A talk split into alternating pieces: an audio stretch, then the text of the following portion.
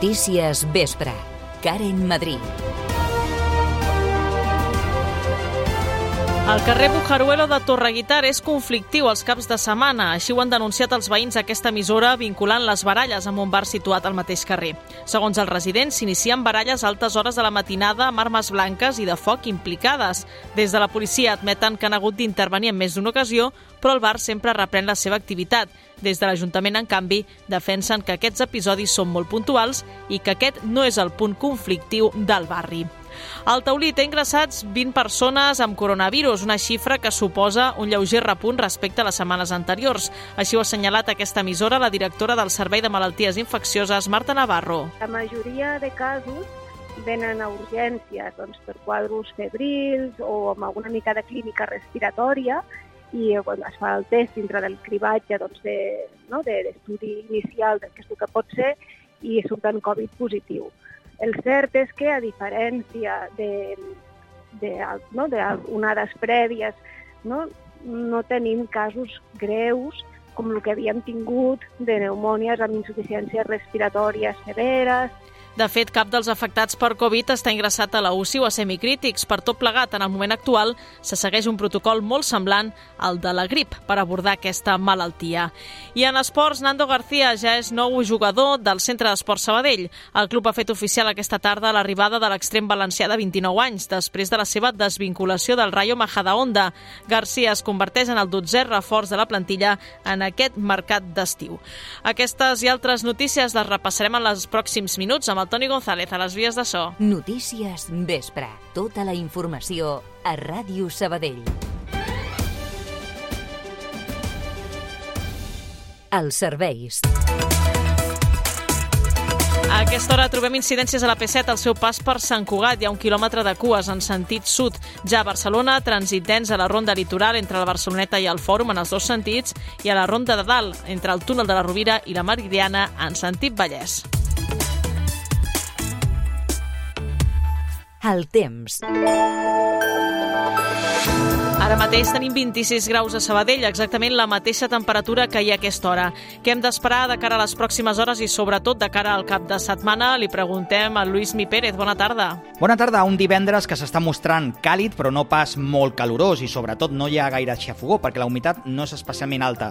Compte amb el vent, això sí, que continua bufant a l'Empordà, al sud de les Terres de l'Ebre i també cap al Pla de Lleida i és un vent molt sec. Atenció als boscos. Pel que fa als núvols, alguns cap al Prepirineu, també a la Catalunya central, al prelitoral, que com a molt fins aquest vespre deixaran quatre gotes. El cap de setmana serà força assolellat, sobretot demà, un temps molt tranquil, molt net al matí començarà a frescar una altra vegada i en canvi demà a la tarda farà més calor que avui. Estarem parlant de màximes al voltant dels 35 graus a tocar de la terra ferma i sobretot a l'interior de les Terres de l'Ebre. Continuarà bufant la tramuntana a l'Empordà, sobretot demà a la tarda, i farà que hi hagi encara entre Forta Maró i Maragassa, pel que fa a l'estat de la mar, molta precaució a prop de la costa, especialment la Brava. El diumenge hi haurà alguns núvols més a les comarques de Barcelona, amb alguna gotellada matinal a prop del mar, i el diumenge tornarà a baixar una mica la temperatura, però encara amb vent a l'Empordà i al sud de Tarragona. Us seguirem a la xarxa. Ho dèiem en titulars, els veïns del barri de Torreguitar han denunciat aquesta emissora que pateixen des de fa diverses setmanes baralles al carrer Bujaruelo. De fet, segons apuntaven, les disputes provoquen tant soroll i tants aldarulls que en molts casos els veïns no poden dormir. Com són ben bé aquestes baralles? Helena Molís, bona tarda. Bona tarda. Doncs com tu bé deies, tenen lloc al carrer Bujaruelo a altes hores de la matinada.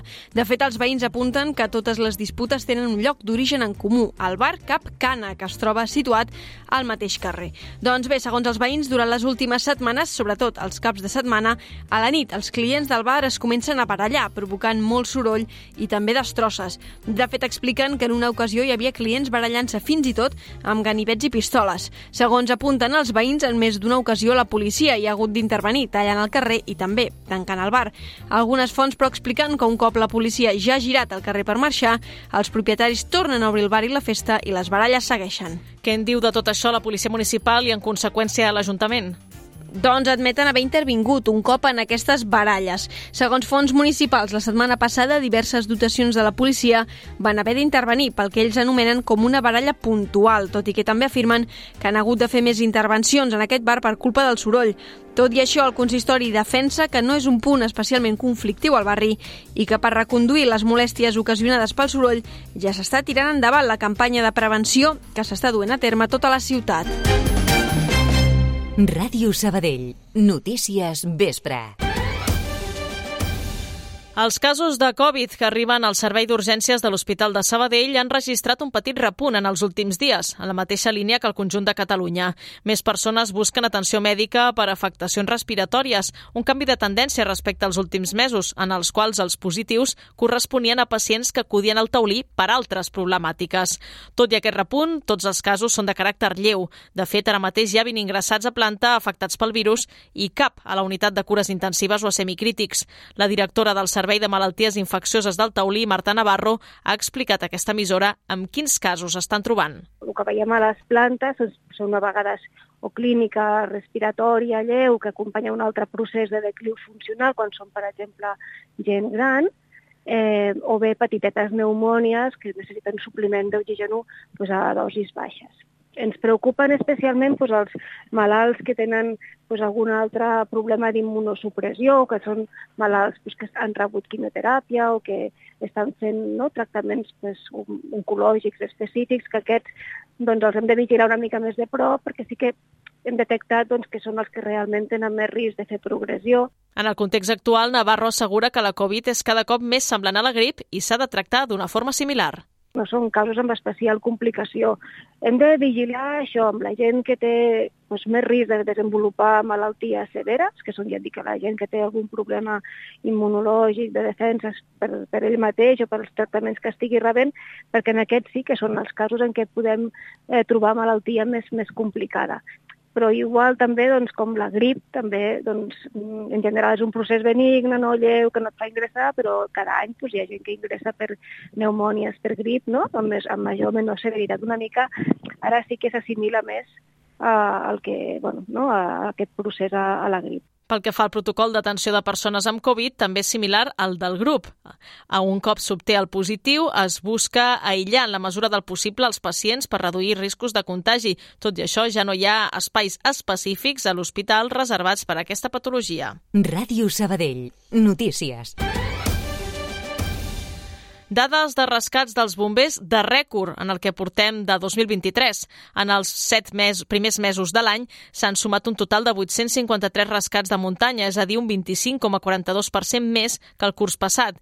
I encara falta tot l'agost, que tradicionalment és el mes amb més rescats, 275 el 2021 i 241 l'any passat. Els bombers demanen extremar les precaucions en el lleure i l'esport al medi natural. Pau Duran, bona tarda. Bona tarda. Els bombers noten que després de la pandèmia va més gent a la muntanya i això és positiu, però cal no cometre errors en el moment de preparar la sortida. En parla Oriol Vilalta, cap del grup d'actuacions especials dels bombers de la Generalitat. La gent avui en dia tenim molt fàcil accedir a recorreguts a través de les aplicacions que portem als mòbils o als rellotges.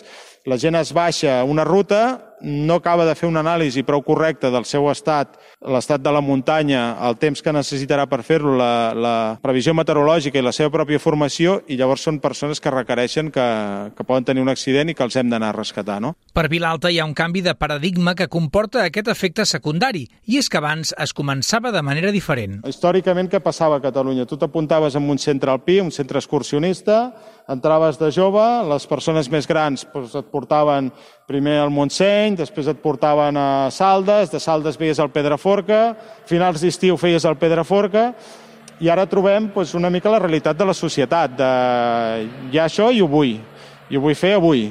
I aquesta realitat social, que és lògica perquè són els temps que vivim ara, en el cas de la muntanya, no, aquesta lògica doncs, es trenca. No? Les emergències, on s'inclouen els rescats de muntanya, tenen una taxa establerta pel Parlament de Catalunya, variable segons els recursos invertits i basada en tres supòsits per obligar a pagar-la. Fer un mal ús del servei públic, és a dir, alegar un risc que no és real, com ara està cansat, però inventar-te que t'has fet mal o trencat un os.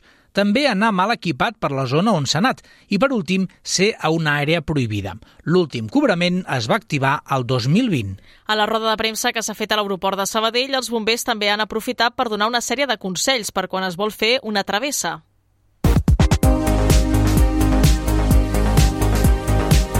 Quan sortim a la muntanya, abans cal tenir present tot això. Pensar què anem a fer, qui fa l'activitat, quan i on, planificar els horaris, recorreguts i desnivells, consultar les guies i mapes i la predicció meteorològica, preveure un pla B per si alguna cosa falla, equipar-se amb la roba i calçat adients, carregar la motxilla amb el material, aigua i menjar necessari, formar-se en les tècniques útils per l'activitat que voleu realitzar, com usar els materials requerits i tenir nocions mínimes d'assistència de primers auxilis i minimitzar riscos.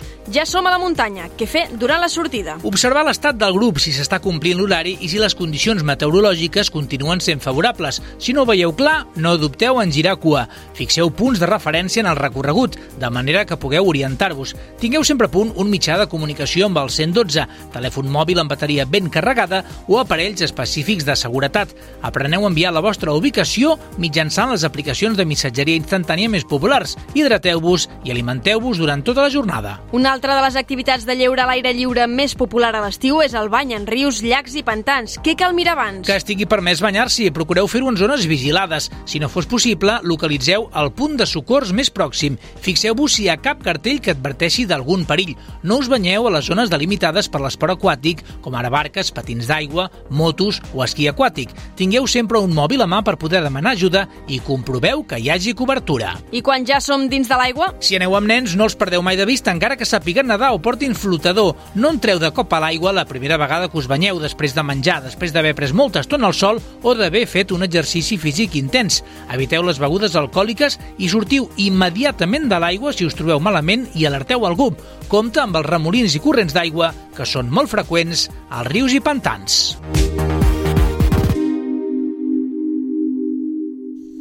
I per encarar el cap de setmana, Ràdio Sabadell, en col·laboració amb el Consell Comarcal del Vallès Occidental, us presentem dues propostes més per fer al Vallès. Les 10 propostes indispensables per descobrir el Vallès Occidental, capítol 2, dos espais per visitar i gaudir del patrimoni cultural de la comarca. La Masia Freixa, una de les característiques de la comarca del Vallès Occidental és el seu llegat modernista i edificacions com la Masia Freixa n'és un bon exemple.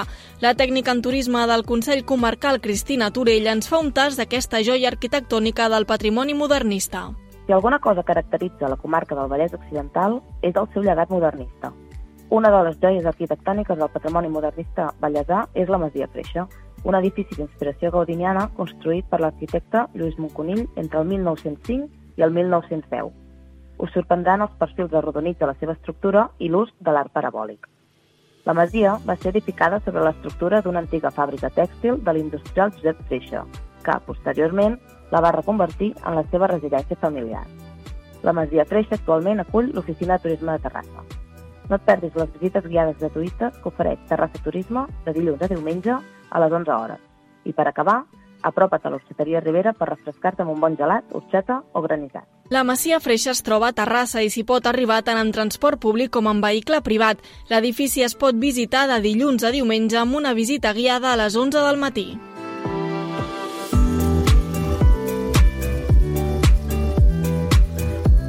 La Seu d'Ègara, la Seu d'Ègara es tracta d'un conjunt monumental únic a Catalunya i que compta amb més de 2.500 anys d'història.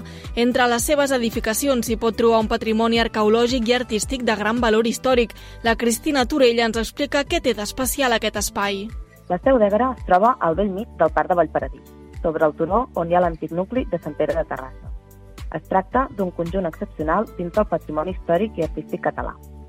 En aquests moments està en marxa la seva candidatura per obtenir la distinció de Patrimoni de la Humanitat, que atorga la UNESCO, basada en el caràcter únic i universal d'alguns elements singulars que conserva. Les esglésies de Sant Pere, Sant Miquel i Santa Maria i el patrimoni arqueològic i artístic que contenen abasten una àmplia cronologia, des d'època ibèrica fins a l'actualitat. Destaca l'arquitectura dels tres temples i els testimonis d'època de Visigoda, les pintures murals medievals i romàniques i els retaules gòtics que s'han conservat. Completa la visita i aprofita que ha estat al Parc de Vallparadís per fer un pícnic de Carmanyola. La seu d'Egara també està situada a Terrassa i s'hi pot arribar en vehicle privat, així com en transport públic. L'espai es pot visitar de dimarts a diumenge per un preu de 7 euros per persona. A més, el tercer dissabte de cada mes es realitza una ruta turística pel patrimoni arqueològic, històric i artístic de la seu. Doncs posem el punt final al segon capítol de propostes per gaudir del Vallès Occidental coneixent una mica més l'oferta cultural de Terrassa. La pròxima setmana descobrirem dues propostes noves.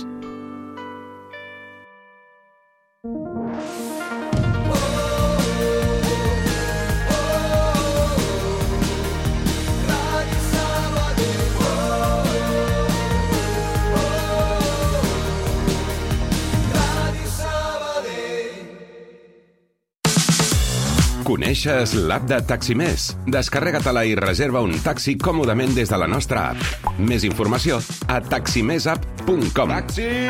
Ràdio Taxi Sabadell, el teu taxi de referència a Sabadell. Ràdio Sabadell. Notícies vespre. Fora de Sabadell i la comarca. El PP i Vox signen un acord per governar en coalició l'Aragó sumant majoria absoluta. El pacte desbloqueja la investidura del popular Jorge Azcón, que va ser la primera força de les eleccions del 28M i cedeix al partit d'ultradreta la vicepresidència primera de Desenvolupament Territorial, Despoblació i Justícia i també la Conselleria d'Agricultura i Ramaderia. El Consell de Garantia es troba inc inconstitucional part de la llei d'habitatge espanyola per vulnerar competències catalanes. Aquest dictamen havia estat sol·licitat per tal que el ple del Parlament pugui votar el pròxim 1 de setembre si es presenta un recurs davant del TC, una demanda que arriba a la cambra a petició de Junts per Catalunya. El 82% dels viatgers que van fer trajectes de competència estatal l'últim quatrimestre del 2022 van fer ús dels descomptes del Ministeri de Transports. El transport públic estatal rebaixat va sumar un total de 167,1 milions de viatgers. Per donar resposta a l'augment de la demanda, alguns mitjans de transport van augmentar el nombre de trajectes. En el cas dels trens de mitja distància, els viatges es van veure incrementats gairebé un 90% i en el cas d'avant un 74% respecte al 2021. I un últim apunt, la Conselleria d'Educació ha apartat cautelarment del seu lloc de feina el professor de l'Institut Màrius Torres de Lleida, que està pendent de ser jutjat per abusar sexualment d'una menor. L'home començarà el pròxim curs en un centre diferent i sense contacte amb menors mentre espera el judici. Els fets haurien succeït l'agost del 2020, quan l'home hauria fet tocaments a un exalumne de 17 anys. Esports.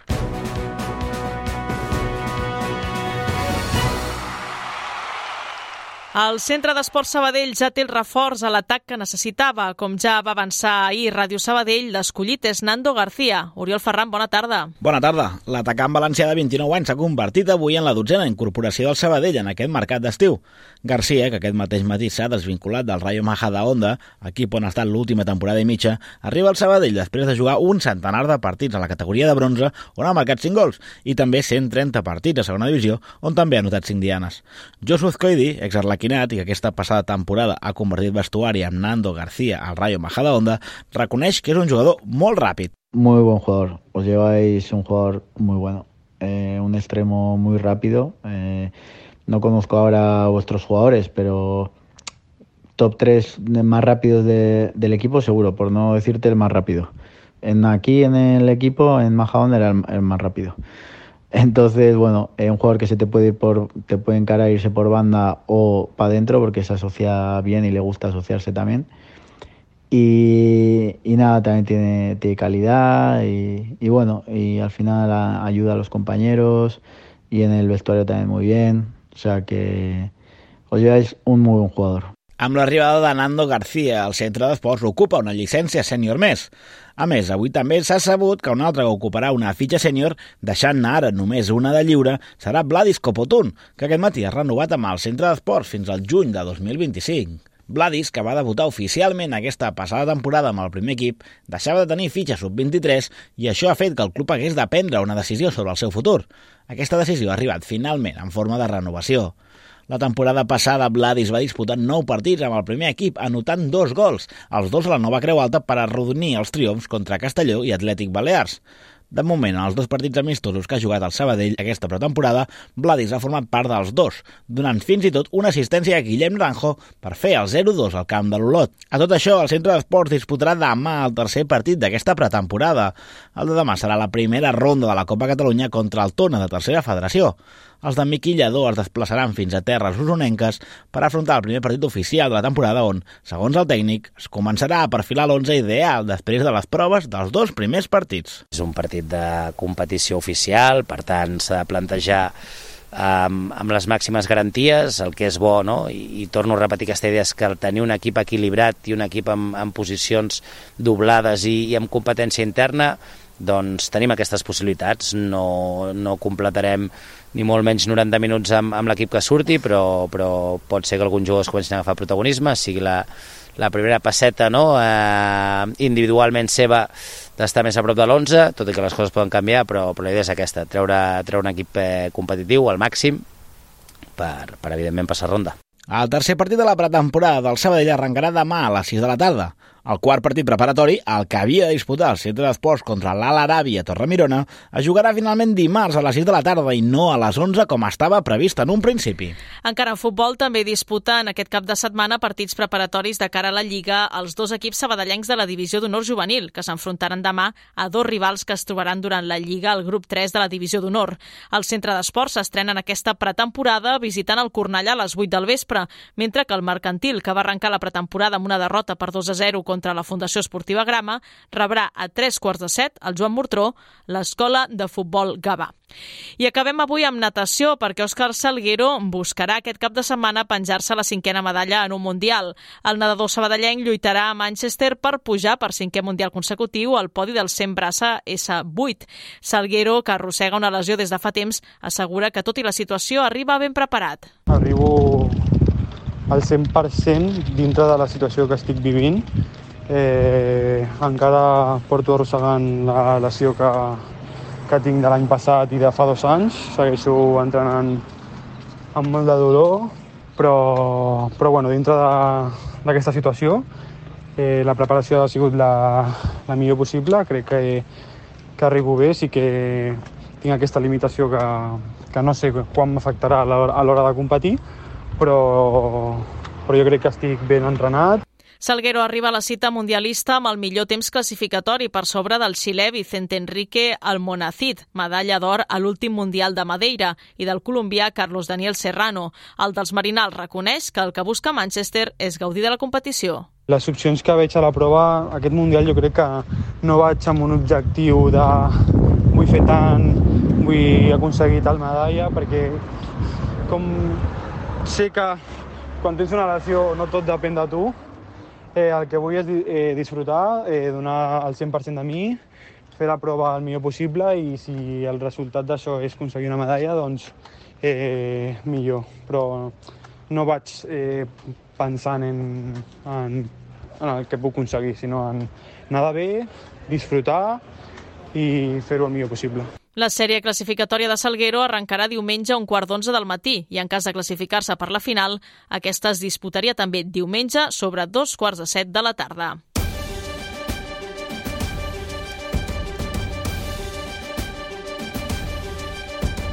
7 minuts per dos quarts de vuit tanquem el Notícies Vespre d'aquest divendres 4 d'agost, recordant-vos que tot el que us hem explicat aquests minuts ho podeu trobar ampliat al portal web d'aquesta casa radiosabadell.fm.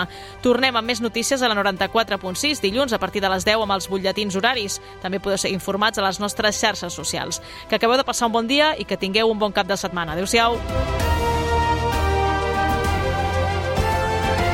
Allà on siguis, escolta'ns online en directe.radiosabadell.fm